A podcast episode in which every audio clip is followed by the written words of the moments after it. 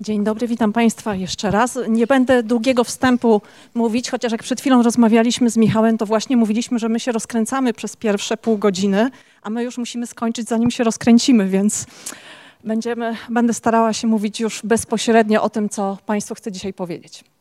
Ja będę mówić z takiej perspektywy związków, czyli o różnych aspektach, różnych mitach, różnych przekonaniach, które wiążą się z funkcjonowaniem pary. Nie będę wchodziła w te mity, o których będzie mówił Michał czy Robert, dlatego że to będą bardziej z takiej perspektywy też indywidualnej, natomiast z racji tego, że ja bardzo też lubię pracować z parami, e, gdzieś te mity są mi najbardziej bliskie. I będę mówiła o takich rzeczach, które z jednej strony myślę, że mogą być Państwu znane, z drugiej strony takie, które czasami w naszym społeczeństwie funkcjonują niekoniecznie jeszcze jak mity, że bardzo dużo osób w to wierzy. Natomiast e, chciałabym pokazać, jak one mogą destrukcyjnie wpływać na funkcjonowanie w związkach. E, I bardzo często, jak pary przychodzą do gabinetu, albo osoby też indywidualne, to mówią o tym, że rzadko kiedy mogły wcześniej e, albo z kimś dorosłym, jak byli młodsi, porozmawiać w ogóle o związku, o miłości, o tym właśnie, jak to jest być razem, na jakie rzeczy zwracać uwagę na przykład przy wyborze partnera, albo jakie rzeczy powodują, że para dobrze funkcjonuje. I to dotyczy zarówno takiego psychofizycznego funkcjonowania, jak również stricte seksualnego. Także bardzo rzadko mówimy. Zresztą Państwo wiedzą, jak wygląda współcześnie edukacja seksualna. E, wcześniej też to nie wyglądało różowo, bo te raporty od lat 90. są raczej takie negatywne niż pozytywne. W związku z tym w szkołach też jak gdyby o takich rzeczach się nie mówi. I my czerpiemy informacje najczęściej z książek, z filmów, na podstawie naszych wcześniejszych doświadczeń. Czasami bazujemy na tym, jak funkcjonowało to ten związek i ta relacja w domach rodzinnych. Czasami myślimy sobie o tym, co chcielibyśmy powtórzyć, jak gdyby, żeby było tak samo jak w domu. I pary o tym mówią, chciałbym mieć podobne życie jak w domu, chciałbym stworzyć podobną rodzinę. A niektórzy mówią, że wprost przeciwnie, tak? że chcieliby zupełnie inny aspekt, jak gdyby podkreślić, albo chcieliby, żeby to życie inaczej wyglądało. I teraz będę skupiać się na mitach dotyczących miłości i mitach dotyczących związku. Pani? Nie, myślałam, że pani się zgłasza. E, jeden z takich funkcjonujących powszechnie mitów to jest mit o drugiej połówce. E, I tu istnieje przeświadczenie o tym, że gdzieś na świecie istnieje druga osoba, która do nas pasuje w stu procentach, że jesteśmy właśnie połączeni, że jak stworzymy jedność, to będzie to idealna jedność, że wtedy będziemy prawdziwym związkiem. To, co zresztą, na co chciałabym zwrócić uwagę, to to, że właśnie wskazywanie na takie rzeczy, prawdziwy związek, idealny związek, tak, czy prawdziwa kobieta, prawdziwy mężczyzna, to to już jest takim określeniem, który warto, żeby budził wątpliwości, tak, dlatego, że my nie jesteśmy czarno-biali, nie jesteśmy zero-jedynkowi. Różnimy się w zakresie płci, w zakresie orientacji, różnimy się w zakresie sposobu spędzania czasu, a nawet osoby, które podobnie spędzają czas, czy mają podobne potrzeby, nie są takie same. Więc tu bym wystrzegała się takiego określenia właśnie prawdziwy, prawdziwa. Tak, tak samo prawdziwy związek. Natomiast u podłoża tego mitu leży właśnie po części taki przymus sprawdzania, jeżeli już budujemy związek, czy to rzeczywiście ta osoba. I w różnych momentach kłótni, nieporozumień, albo wtedy, kiedy mamy poczucie, że druga strona nie spełnia naszych potrzeb, to zastanawiamy się, czy to rzeczywiście jest ta osoba. Bo przecież taka osoba, która do nas pasuje idealnie, czyli taka osoba, która jest naszą drugą połową, powinna być osobą, z którą się zawsze dogaduje, z którą zawsze spełniamy nasze potrzeby. Tak? I myślimy sobie, to rzeczywiście nie on, to nie ona, bo gdyby to była nasza druga połówka, to wtedy byśmy nie mieli konfliktów, nie mielibyśmy kryzysów. I dlaczego to jest mit? Po pierwsze, tak jak powiedziałam, że nie ma idealnych związków e, i nie ma takich prawdziwych czy nieprawdziwych. Każdy sobie sam definiuje prawdziwość swojego związku. Po drugie, jeśli myślimy o związku, który miałby trwać dłużej, to trudno, żeby w tym związku nie zdarzyły się też konflikty. Będę o tym też mówić przy następnych slajdach. Ale jeżeli związek trwa dłużej, to w tym związku każdy z nas się zmienia. I nie zmienia się zawsze identycznie. Na przykład, jeżeli mówimy o związku, który trwał lat 20, to my nie jesteśmy tacy sami jak 20 lat temu. Ani nasz partner czy partnerka też nie są tacy sami jak 20 lat temu. W związku z tym, tutaj ten mechanizm, czyli czy to myślenie o idealnym związku, może nam zakłócić. Poza tym, jeżeli my byliśmy bardzo zakochani, a druga strona już nie chce kontynuować związku, to czasami osoby też mówią w takim momencie żałoby po związku, że teraz już z nikim nie będę, bo to był dla mnie, czy to była dla mnie idealna osoba. Tak? To była moja druga połówka. A druga połówka w myśl tej, tego schematu może być tylko jedna. Tak? W związku z czym, jeśli nam się z tą osobą nie udało, to może to powodować zamykanie się na kolejny związek. Oczywiście nie chciałabym tu powiedzieć o tym, że po związku należy szybko wchodzić w drugi związek, dlatego że jestem zwolenniczką takiego, że tak powiem, przejścia różnych etapów. I w takim modelu idealnym najlepiej jest, jeśli ten związek, który się zamyka, miał czas się zamknąć, żebyśmy mogli poradzić sobie z różnymi emocjami, które wystąpiły właśnie po tym związku, czasami ze złością, z żalą, z tęsknotem, ze smutkiem i dopiero później, jak przejdziemy te wszystkie emocje i zobaczymy tak naprawdę, czego potrzebujemy, to dopiero wtedy otworzyć się na nowy związek. Natomiast tu przestrzegałabym przed takim myśleniem, że właśnie ktoś jest na świecie, kto idealnie do nas pasuje. Kolejny mit wiąże się z tym, w jaki sposób ten związek się rozpoczyna. I tu powiem o takiej sytuacji, którą też spotykam w gabinecie, że czasami osoby przychodzą i mówią i pytają się mnie, proszę mi powiedzieć, czy to jest prawdziwa miłość? Czy rzeczywiście to jest, to jest czy ja rzeczywiście kocham tę osobę? Abstrahując od tego, że mi trudno powiedzieć, czy osoba, która przychodzi do mnie, kocha rzeczywiście czy nie, to u podłoża takiego myślenia czasami leży właśnie przeświadczenie, że ta prawdziwa miłość musi się za, za, zacząć w jakiś taki sposób bardzo nagły, bardzo duży, bardzo spektakularny. Czyli to muszą być albo te przysłowiowe motyle w brzuchu, albo taki grom z jasnego nieba, że po prostu od razu czujemy, że to jest ta osoba. I niektórzy rzeczywiście tak mają, że tak się zaczyna związek. Przy czym to, że on się tak zaczął, nie daje nam też gwarancji na to, że ten związek będzie dobrym związkiem i trwałym. On się po prostu tak zaczął. Nikt nam, I nic nam nie daje gwarancji, ale to niekoniecznie musi być oznaką tego, że ta jakość tego związku będzie, bo związki zaczynają się w różny sposób. Czasami właśnie tak bardzo burzliwie, czasami zaczynają się spokojnie, czasami przeradzają się z przyjaźni w miłość, tak? czasami się do siebie wraca po latach i nie ma jednego scenariusza rozpoczynania związku.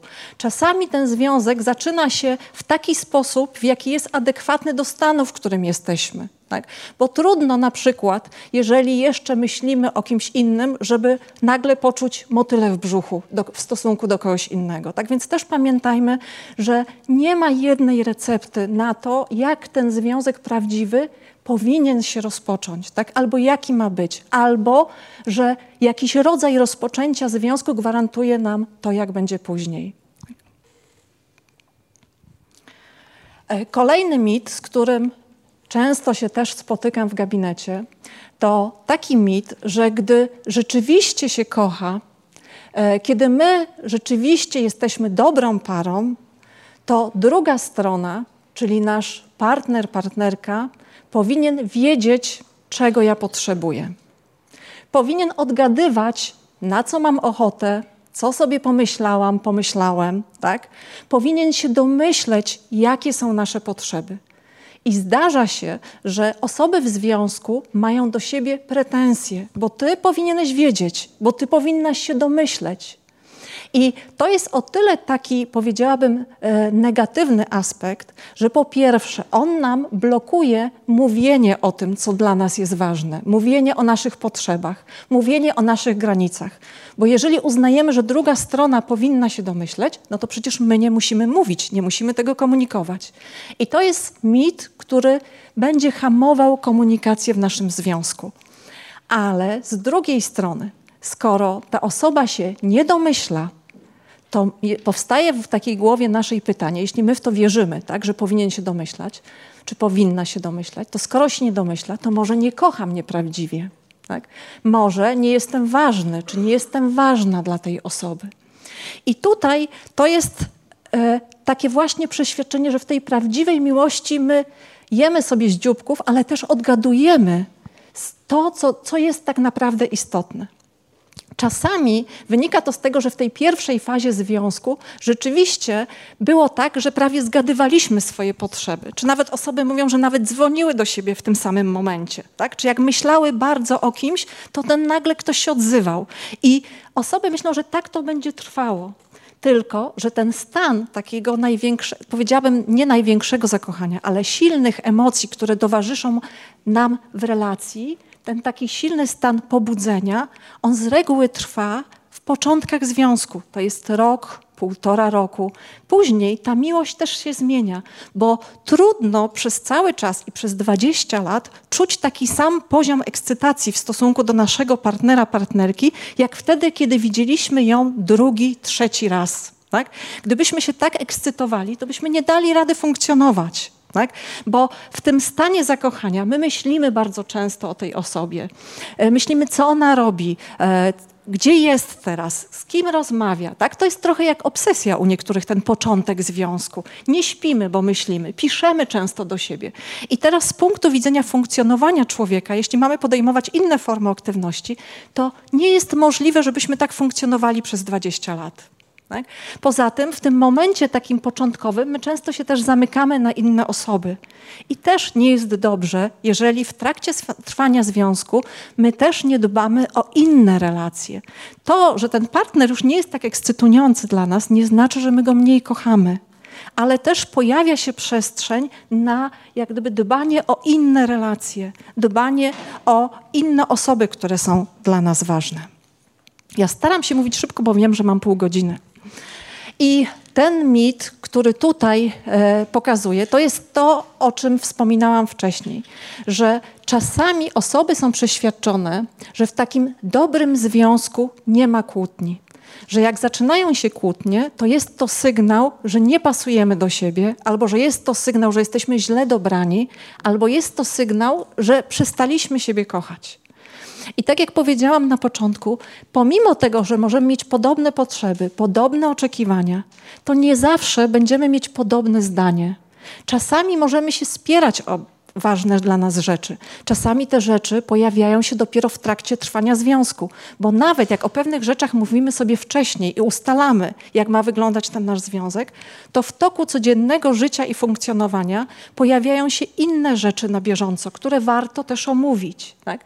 Inaczej my funkcjonujemy, kiedy nie mieszkamy za sobą, a inaczej wtedy, kiedy zaczynamy mieszkać i tutaj też pojawiają się inne, jak gdyby, aspekty naszego życia. I czasami to kłócenie się jest też elementem ścierania się, ale też elementem mówienia o swoich potrzebach. Przy czym to, co bardzo istotne, to to, w jaki sposób my się kłócimy. Tak? Po pierwsze, żeby nie były to zachowania agresywne, tak? czyli żeby taka przysłowiowa kłótnia polegała też na tym, żeby każda ze stron mogła powiedzieć, jaki ma punkt widzenia i żeby jedna strona mogła drugą stronę usłyszeć i żebyśmy nauczyli się też konstruktywnie spierać ze sobą. Żeby to spieranie czy kłócenie się nie było taką walką na zasadzie, kto wygra teraz. I czasami wtedy przeradza się to w taką grę wygrana, przegrana. Już nie chodzi nam o tę sprawę, tylko kto wygra w tej walce, kto postawi na swoim. Tak?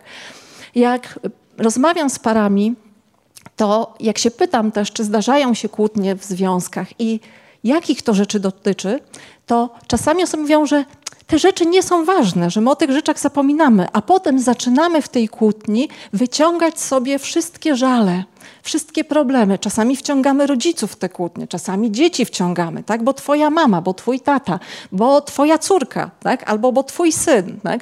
albo bo twoja praca, twój szef. I zapominamy, o czym tak naprawdę mówiliśmy, a zaczyna być taki trochę ping-pong na zasadzie bo ty, bo ty, bo ty.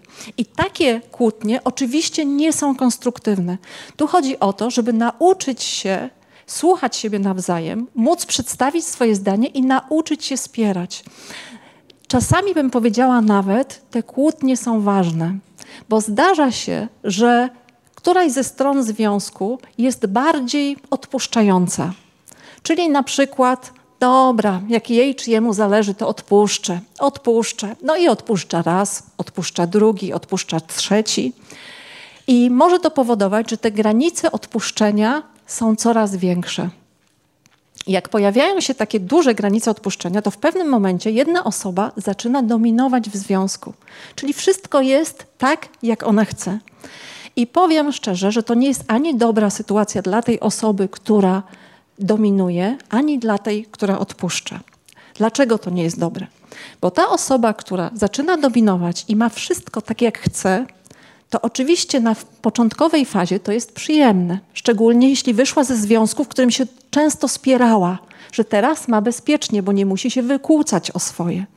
Ale jeśli partner, partnerka zgadzają się ze wszystkim, to po pewnym czasie może się pojawić taki, taka negatywna konsekwencja, że przestaje nam zależeć na tym związku, bo przestajemy się starać w tym związku, bo partner, partnerka i tak zaakceptuje wszystko. Czy będę się starać, czy nie będę się starać, czy będziemy wspólnie spędzać czas, czy nie będziemy, i tak się na wszystko zgodzi.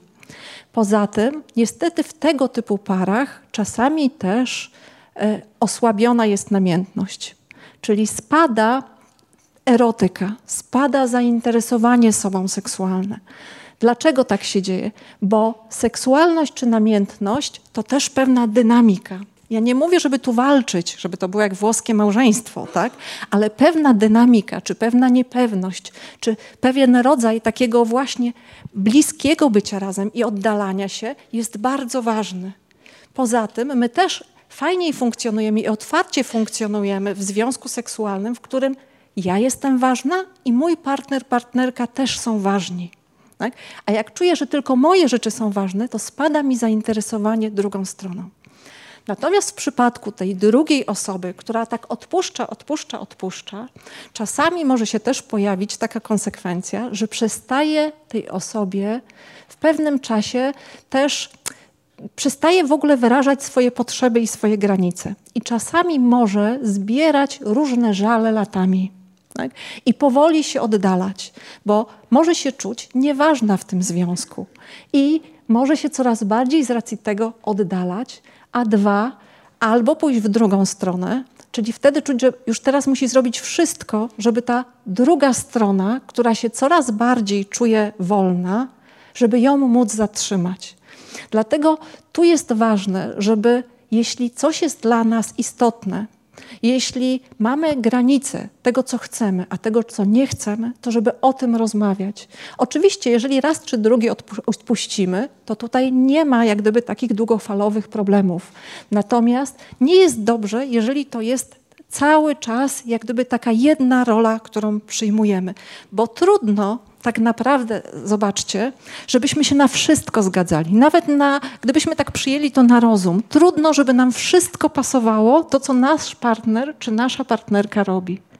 I też nie do końca dla nas jest tak dobre, jeżeli my wszystko też mamy spełniane.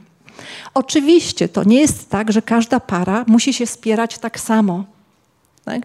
E, I zdarzają się momenty, czy zdarzają się pary, które się mniej spierają. To też zależy od temperamentu. Tak? Ale nie bójmy się też spierania, bo to jest czasami moment właśnie, żeby powiedzieć o tym, co możemy też zmienić. Co możemy wprowadzić nowego do związku, na co się nie zgadzamy na przykład. To są też ważne momenty, kiedy my mówimy o swoich potrzebach. I drugi aspekt, takie myślenie Kolejny taki właśnie mit, że prawdziwa miłość, ja specjalnie mówię tak, używam słów prawdziwa, tak, żeby Państwa też uczulić na te słowa. Prawdziwa miłość Ci wszystko wybaczy. Czyli jeżeli mnie kochasz rzeczywiście, jeżeli, je, jeżeli jesteś mną, jeżeli jestem ważna dla Ciebie, to wszystko mi wybaczysz. Tak? To jest też takie przeświadczenie, że takim razie nie muszę się starać. Ja tu nie mówię o ciężkiej pracy, ale mówię o tym, żeby też na pewne rzeczy, które my robimy, zwracać uwagę. Bycie w związku daje nam taki plus, o którym mówię na wykładach, że jak my jesteśmy sami, to możemy bardzo popuszczać swoje różne słabości, swoje różne wady, no bo przecież nikt nas nie będzie konfrontował z tym, nikomu to nie będzie przeszkadzało. Natomiast jak jesteśmy w związku, to partner, partnerka są dla nas lustrem.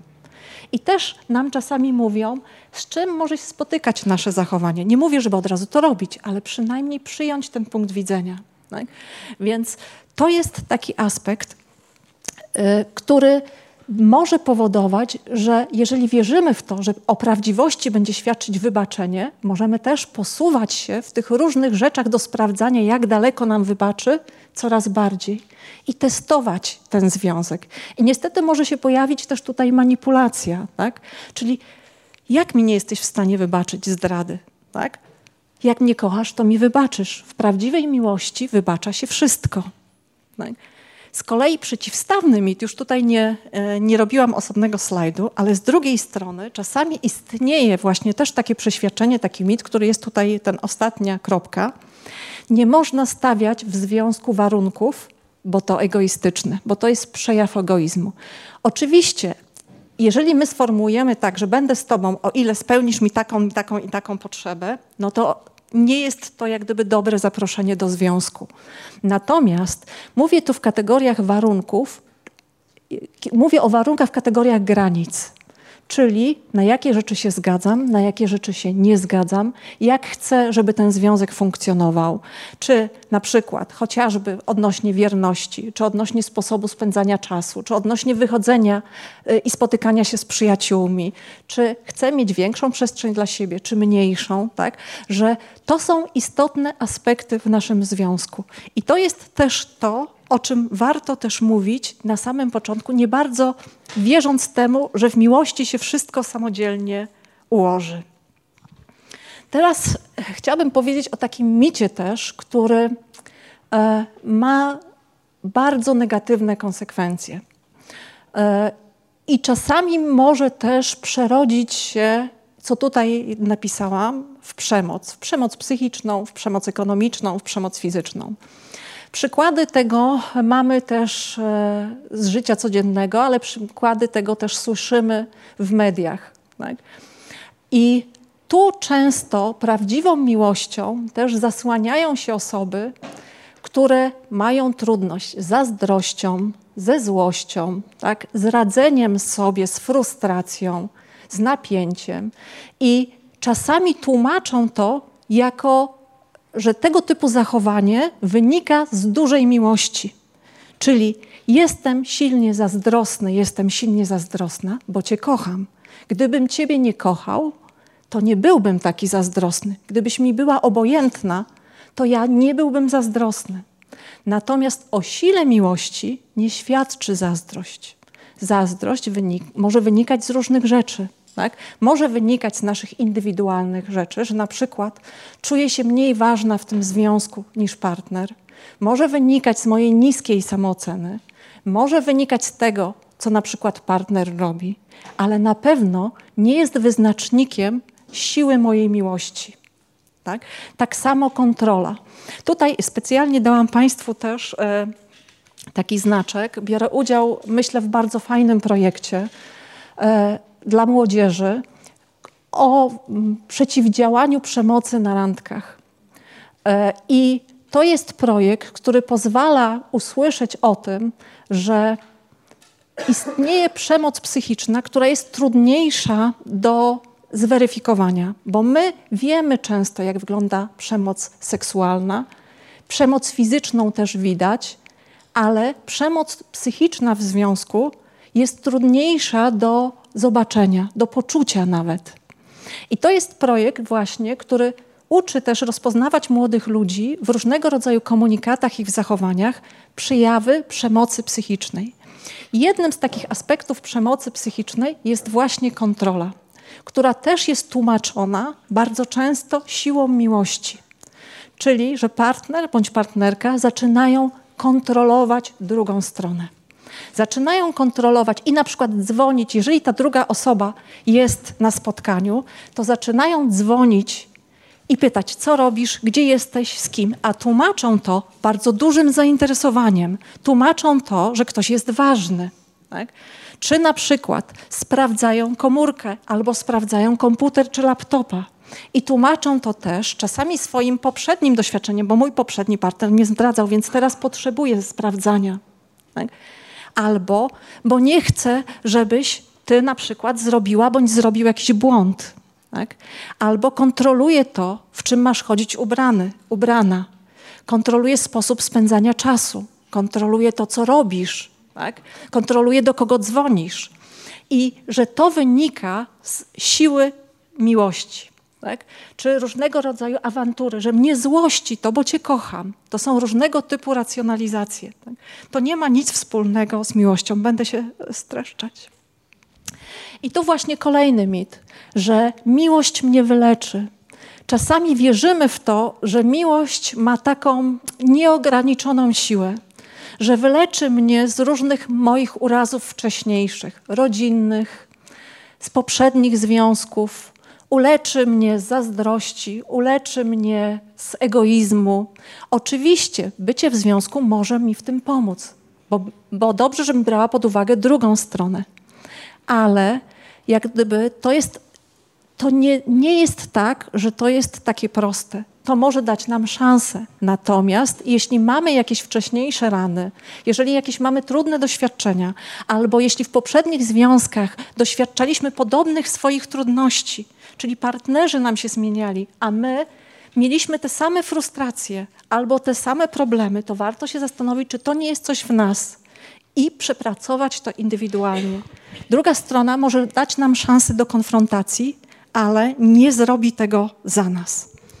Kolejny mit, który, w który też osoby wierzą, to że ślub bądź dziecko naprawi nasz związek.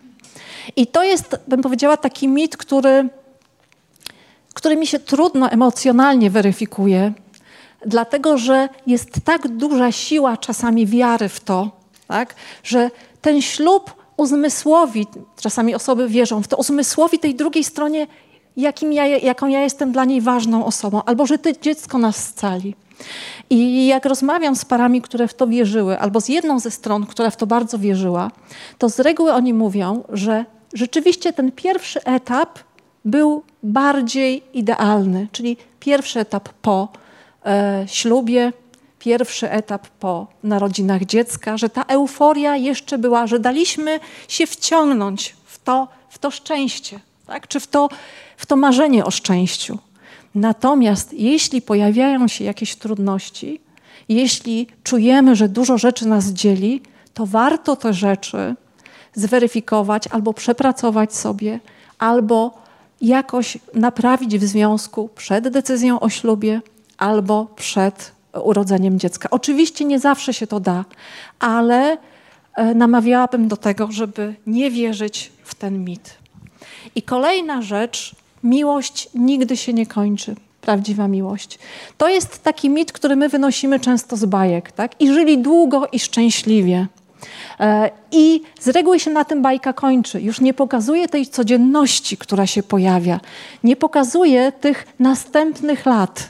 Tak, z przeświadczeniem, że wszystko było dobrze, skoro tak się kochali, skoro e, był taki ładny ślub, tak, skoro byli tacy szczęśliwi w tym dniu, I wtedy rzeczywiście to jest to, o czym mówiłam wcześniej, że jeżeli się pojawia kryzys, to zaczynamy myśleć, ojej, to właśnie nie jest prawdziwe, bo w bajkach nie ma kryzysów. No teraz już coraz częściej się na szczęście pojawiają te kryzysy w bajkach o związkach. Ale trudno, żeby tego kryzysu nie było, jeśli mówimy o długofalowym związku. Będę mówić trochę szybciej. I teraz seks. Jeśli chodzi o seks, to tutaj też istnieje trochę mitów. Po pierwsze, taki mit, że każdy kontakt fizyczny musi się skończyć seksem. To dotyczy takich par, w których załóżmy, jedna ze stron chce się przytulić, a druga strona myśli, a to na pewno myślisz o seksie znowu, tak? Albo druga osoba rzeczywiście myśli, ale dobrze jest nie robić sobie takiej presji, żeby można było się przytulać, można było się całować i czasami to może prowadzić do stosunku seksualnego, a czasami zupełnie nie. Dlatego, że jeżeli osoby z jakichś powodów nie chcą podejmować stosunki, albo jedna strona, to unikają nawet bliskości jakiejkolwiek, która mogłaby do tego prowadzić. Czyli unikają przytulania, się całowania, żeby drugiej stronie tylko nie przyszło do głowy, że coś z tego będzie. Natomiast jeśli taka rzeczywiście abstynencja jakichś takich uczuć okazywanych sobie fizycznie jest, to potem bardzo trudno do tego wrócić. Zdarzają się pary w gabinecie, które już parę lat nie współżyją, które właśnie zaczęły wycofywać kontakty fizyczne i potem 5-10 lat nie podejmowały współżycia, bo, bo tak naprawdę okazywanie fizycznie jakiejś czułości było już dla nich trudne, bo oduczyły się tego. Więc nawet jeżeli nie współżyjemy, a chcemy być ze sobą blisko, to okazujmy sobie tę bliskość. Całujmy się, przytulajmy. To nam łatwiej pozwoli znowu wrócić do współżycia. I ten seks to mogą być, tak jak, tak jak tutaj jest w tym drugim punkcie, ten seks może być, to niekoniecznie musi być współżycie. Nie zawsze y, jest taka możliwość, ale to mogą być przytulenia, pieszczoty, pocałunki, żeby też nie rezygnować z innych form. Kolejny mit że mężczyźni zawsze mają ochotę na seks. Prawdziwy mężczyzna musi mieć zawsze ochotę na seks. Powiem, dlaczego to jest e, negatywne. Dlatego, że coraz częściej panowie mówią w gabinecie, że się czują trochę jak maszynki do seksu. To znaczy, że jeżeli mówią, że nie mają ochoty, albo że nie dzisiaj, to albo spotykają się z komentarzami właśnie dotyczącymi ich męskości, że nie są wystarczająco męscy, Albo partnerki zaczynają sobie wtedy myśleć, to może ze mną coś nie tak. No bo mężczyzna powinien zawsze chcieć, więc jeżeli nie chce, to znaczy, że gdzieś leży problem. Tak? Kiedyś rzeczywiście istniało przekonanie o poligamicznej naturze mężczyzny i o dużej sile potrzeby seksualnej mężczyzny i że mężczyzna myśli przez cały czas o seksie i o monogamicznej naturze mężczyzny, kobiety i że kobiety to zdecydowanie nie myślą. Tak? Na szczęście ten mit już też przeszedł do lamusa. To nie jest tak, że mężczyźni są poligamiczni, a kobiety są monogamiczne. To zależy od jednostek, od osób, od naszej decyzji też. I nie jest to tak, że prawdziwe kobiety kobiety, czy porządne kobiety nie czują potrzeby seksualnej, a prawdziwi mężczyźni przez cały czas ją czują. Tak? To zależy od bardzo wielu rzeczy. I tu kolejny mit, o którym rzadziej się mówi, a który spotykam w gabinecie, to też dla panów, co wiąże się ze stereotypem męskości, też niestety, że tu mówię akurat o związkach heteroseksualnych, że jeżeli mężczyzna ma przeświadczenie, że jest takim właśnie powinien być, dobrze, już powinien być bardzo męski, czyli powinien być sprawny seksualnie, czyli powinien zadowolić kobietę, czyli on jest odpowiedzialny za jej satysfakcję i za jej orgazm. Jeżeli on jest odpowiedzialny za jej orgazm, to prawdziwy mężczyzna to jest taki, który pozwoli tej kobiecie mieć pierwszy orgazm. I powiem szczerze, dlaczego to nie jest dobre. Dlatego, że czasami ta praca trwa długo. Szczególnie wtedy, kiedy kobieta jeszcze czuje presję. Tak? Muszę dojść pierwsza, tak? bo inaczej on nie będzie jeszcze y, zadowolony. Więc muszę dojść pierwsza, muszę dojść pierwsza. Jak Państwo się domyślają, przy takim założeniu trudno o satysfakcję. Poza tym to może powodować, że jeżeli taka rola jest jako dochodzącego, jako druga zawsze, to może też powodować u mężczyzny różnego rodzaju trudności związane z seksualnością. Tak? Z erekcją, z wytryskiem, szereg różnych problemów, no bo tu jest też cały czas, że tak powiem, stanie yy, i czekanie na swoją kolej. Tak? Więc to jest taki mit, na który też bym chciała zwrócić uwagę. Oczywiście fajnie, jeśli tak jest, fajnie, jeśli jest w drugą stronę, a przynajmniej dobrze, żebyśmy o tym rozmawiali, bo może się okazać, że ta kobieta wcale tego nie oczekuje. A nawet zdarzają się pary, które tak latami robiły i potem im ciężko to zmienić, bo przez lata powtarzały ten rytuał, tak, to zachowanie i bardzo trudno jest od tego odejść. I to ostatni slajd, jeśli mi pani Kasia pozwoli. E, znaczy, to nie jest ostatni slajd w prezentacji, ale już ostatni i skończę. Prawdziwy seks prowadzi do jednoczesnego orgazmu. Tak? To jest kolejna rzecz, że przychodzą pary, proszę nas nauczyć, żebyśmy równo szczytowali. I wtedy bardziej się osoby skupiają na efekcie niż na jakości współżycia. Ten seks to nie tylko orgazm, to jest poznawanie siebie w trakcie różnych zachowań naszych, w trakcie pieszczot, że tak samo ważne jest to, co prowadzi do orgazmu, jak sam orgazm. Przy czym na szczęście ten orgazm też nie musi wystąpić. Tak? I taka chęć skupiania się na tym, żeby to było równo, może nam trochę osłabić satysfakcję z tego wszystkiego, co po drodze. I kolejna też rzecz, że taki trochę przymus orgazmu pochwowego. Na szczęście już też ten mit odszedł, że ten orgazm pochwowy jest lepszy, łechtaczkowy jest gorszy, tak? I takie dzielenie na lepsze orgazmy i gorsze.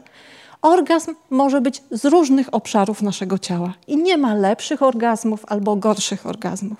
Czasami zdarza się nawet, że kobieta jest usatysfakcjonowana nie mając orgazmu, a czasami ma orgazm i jest średnio usatysfakcjonowana.